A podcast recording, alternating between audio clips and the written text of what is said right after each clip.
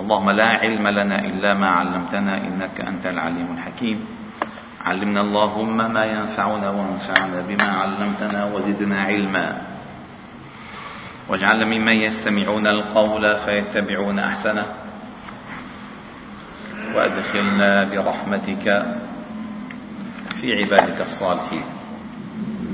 ثم أما بعد فقد ذكر الإمام الترمذي أبو عيسى رحمه الله تعالى صاحب السنن في كتابه الممتع الشمائل المحمدية على صاحبها أفضل الصلاة والسلام والتحية في ذكر صفات رسولنا محمد صلى الله عليه وسلم الخلقية والخلقية. حتى نتعلق أكثر ونتعرف أكثر ونتعرض أكثر. ونتقرب أكثر.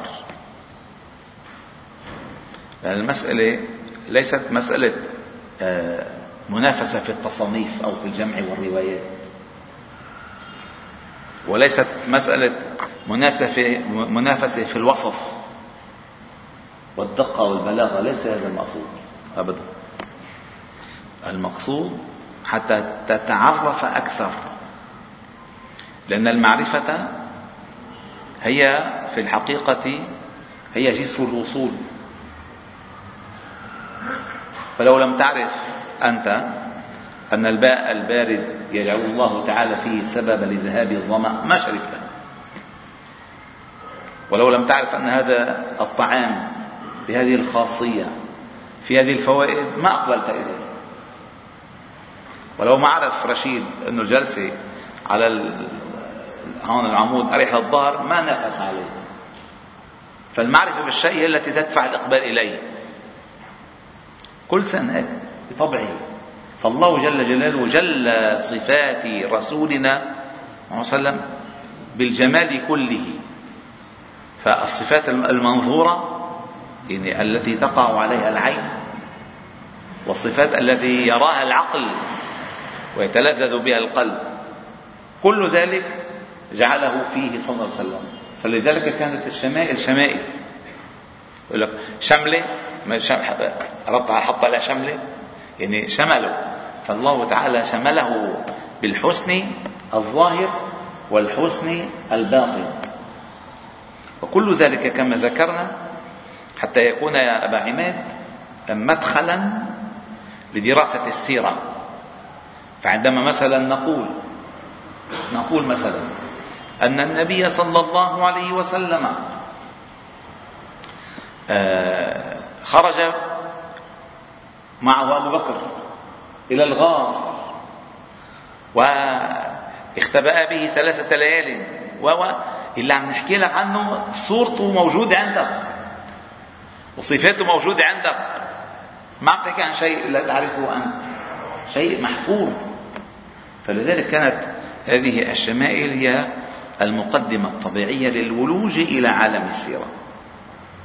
وأزيدكم شيئا كذلك مهما جدا.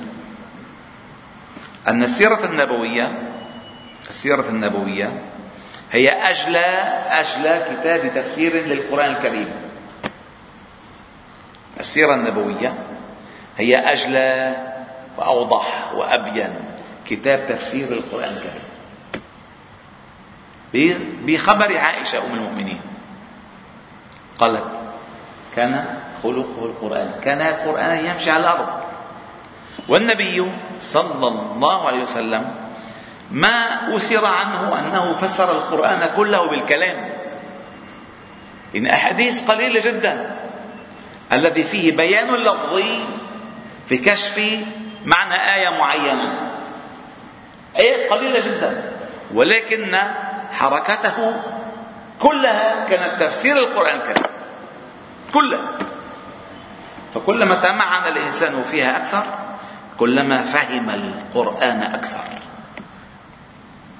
وكما سبق أن ذكرنا أن ليس للقرآن آه، كتاب تفسير وينتهي بعده التفسير. أبدا. الله تعالى قال عن كلماته. لو كان البحر مدادا لكلمات ربه لنفد البحر قبل أن تنفذ كلمات ربي ولو جئنا بمثله مددا فمن يستطيع أن يدعي؟ من التفسير له تفسير القرآن الكريم. أحد. لا أحد. لا أحد. لا أحد يستطيع أن يدعي. حتى كبار المفسرين مثل ابن جرير الطبري وغيره ما استطاع أن يقول ذلك. قال وهذا ما أميل إليه. أظنه ولكن ليس الكلام الفصل. لأن لا تفنى وتنتهي عجائبه لا تنتهي عجائبه في كل يوم للقرآن صارخ بين الناس. كل يوم. بل بكل دقيقة. هو هو القرآن الكريم. الله يقول ويقول وصفا عنه آه، ولو أن قرآنا ولو أن قرآنا أي كتابا مجموعا. القرآن هو الكتاب المجموع. ولو أن قرآنا سيرت به الجبال أو قطعت به الأرض أو كلم به الموتى معنى لكان هذا القرآن. لو أنزلنا هذا القرآن على جبل لرأيته خاشعا متصدعا من خشية الله. يعني أول آية أول آية بموضوع قوة بموضوع قوته والمكنونات المكنوزات القدرات التي فيه. والصورة الثانية بمعنى تأثيره بالنفس. أي يحيي القلب يغير يعني يذهب قسوة القلب. فلذلك نقرأ الشمائل المحمدية حتى تكون لنا جسر عبور إلى دخول السيرة النبوية على صاحبها أفضل الصلاة والسلام والتحية. قال باب ما جاء في حياء رسول الله صلى الله عليه وسلم وفيه حديثان. والحياء تعلمون أيها الأحباب الكرام الأحياء الحياء خلق يحجز صاحبه عن فعل ما لا ينبغي. يحجزه مستحيل. غير الخجل. خجل. صلي فينا. لا لا. بخجل. هذا الخجل غير محمود. الصلاة شيء والحياء شيء آخر. الحياء محمود. الخجل مذموم. والحياء وصف آه، يندرج تحته الأنثى والذكر. ما بس الأنثى تستحي والذكر يستحي. بل الرجل بكامل الرجولة يستحي. لأن الحياء من الإيمان.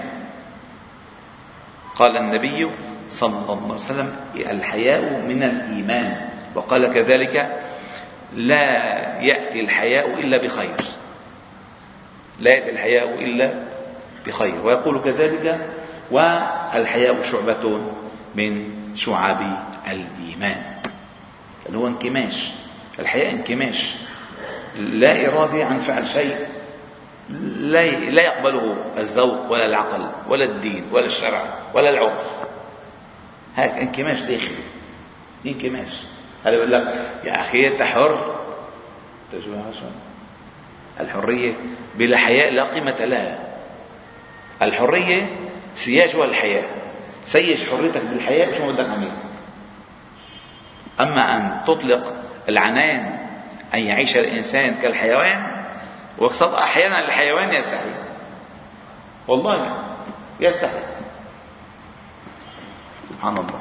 قال حدثنا محمود بن غيلان بسنده عن أبي سعيد الخدري رضي الله عنه قال كان النبي صلى الله عليه وسلم أشد حياء من العذراء في خدرها وكان إذا كره شيئا عرفناه في وجهه.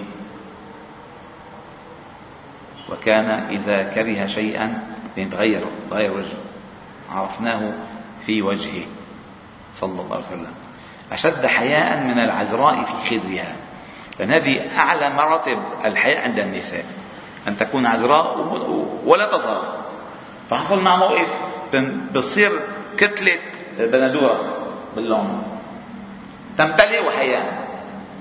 كان أشد حياء أشد حياء من العذراء في خدرها صلى الله عليه وسلم. يستحق. حياء من الإيمان. وكان إذا كره شيئا عرفناه في وجهه. ثم قال وحدثنا محمود بن غيلان عن مولى لعائشة قالت قالت قال قالت عائشة ما نظرت إلى فرج الرسول صلى الله عليه وسلم قط. يعني ما رأ قالت ما رأت عورته. أو قالت ما رأيت فرج النبي صلى الله عليه وسلم قط. هلا هون بيدخل لك مسألة تسأل واحد يعني شو يعني من مرته وهي منه جازة صحيح كان حي... من حيائه مع أنه ذلك لا يجوز. لم يقل أحد من العلماء قط أن ذلك لا يجوز أبدا ولكن من حيائه. أو من آه، من حيائه ما نظر أو تشعر من حيائه أنها لا تنظر فما نظر؟ لا يجوز لا يجوز يجوز ذلك. احفظ حديث صحيح احفظ عورتك إلا من زو من زوجك أو ملكت يمينك هذا حديث. هذا حديث ثم قال باب ما جاء في حجامة رسول الله صلى الله عليه وسلم.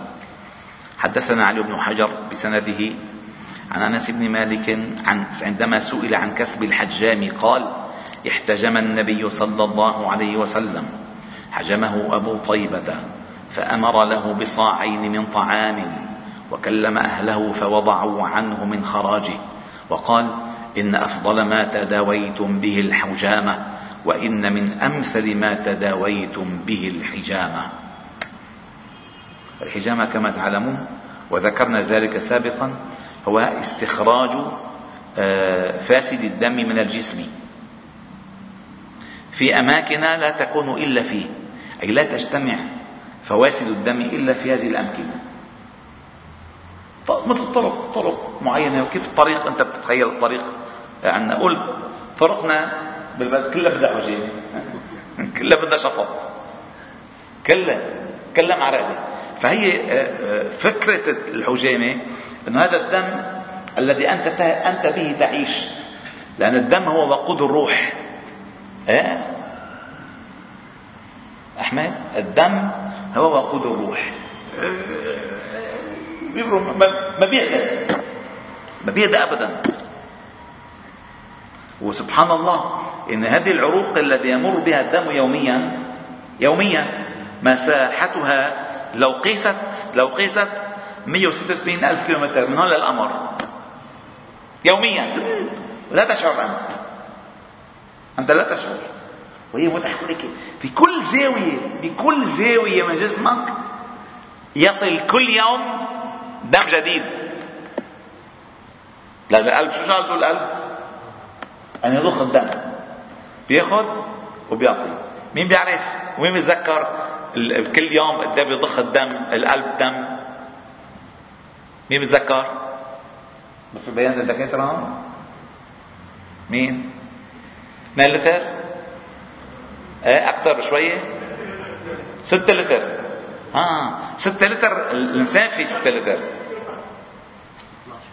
90 كل يوم. وإذا ما أكثر. كل يوم. أكثر من جسمي وجسمك يعني. بس لأن هو بيأخذ بيعطي بيأخذ بيعطي بيأخذ بيعطي بيأخذ بيعطي بيأخذ بيعطي القلب قبض وبسط قبض وبسط. يعني بيأخذ بيضخ عضلتين. هيك. هيك معمولين هيك. شيء بفوت شيء بيطلع وهذا الدم المتحرك هذا هو هو وقود جسمك. وروحك وعقلك. انت لو بتعرف بس كيف ده بيوصل دم على العقل بشرايين دقيقة جدا جدا جدا. روح قل له للحام أعطيني دماغ. غني. وتأرج الخطوط هاي الحمر. وتخيل راسك فيها. وكل شيء له مهمة. كل شيء له مهمة. وبيشتغل بالدم وبالكهرباء. الدماغ ما بس بالدم بالدم وبالكهرباء. بيضرب كهرباء على طول كهرباء كهرباء كهرباء كهرباء.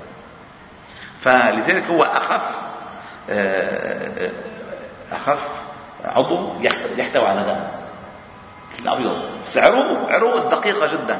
المهم الحجامة بما هذه الحركة الجسمية سريعة جدا جدا جدا. فاحيانا بيكون واحد غليظ مثلا مثلي حاطط سيارته بالعرض بالطريق أو تعطلت أخي. شو صار بالسير واقف على ساحة النور. واقف على ساحة النور. هو عادة بيكون في انسيابية بالسير انسيابية. السياره بتخبط كل شيء. فبتيجي بيجي الحجام. بيقول له تعال يا زياد تفضل تفضل عندي زيادة أهم الأماكن الذي يعمل فيها الحجامة في الأخدعين والكاهل. الكاهل هون بين الكتفين. هذا اسمه الكاهل. هذا هذا الكاهل كواهله. أسفل كاهله هون هذا الكاهل. وهون الأخدعين. الأخدعين العرقين اللي فوق الرقبة. هون بيقولوا هيك واحدة هيك أو واحدة هيك. فهالمنطقة هيدي لما بنعمل فيها الحجامة؟ كأن شلت السيارة المعرقة للسير فالدم بيتنشط بيتنشط فيصل الدم إلى كل الأعضاء التي ينبغي أن يصل إليها. فليه بحس الإنسان بعد الحجامة؟ حوله منشط. فعلا بيكون منشط. فلذلك قال إن أفضل ما تداويتم به الحجامة. أفضل شيء. أن تعطوا الأعضاء الغذاء الحقيقي في من الدم. سبحان الله. فهذا تاخذ أنت التجمعات اللي الدم الفاسدة بتطلع لبرا لما بيطلع دم طبيعي الدم اللي بيطلع منه دم طبيعي منه دم, منه دم شرايين عروق يعني ابدا. دم متكدس شبه ميت. قال وإن من أمثل ما تداويتم به الحجامة. والحمد لله رب العالمين. سبحان الله وبحمدك أشهد أن لا إله إلا أنت. نستغفر اليك صل وسلم وبارك على محمد وعلى آله وأصحابه أجمعين. الحمد لله رب العالمين.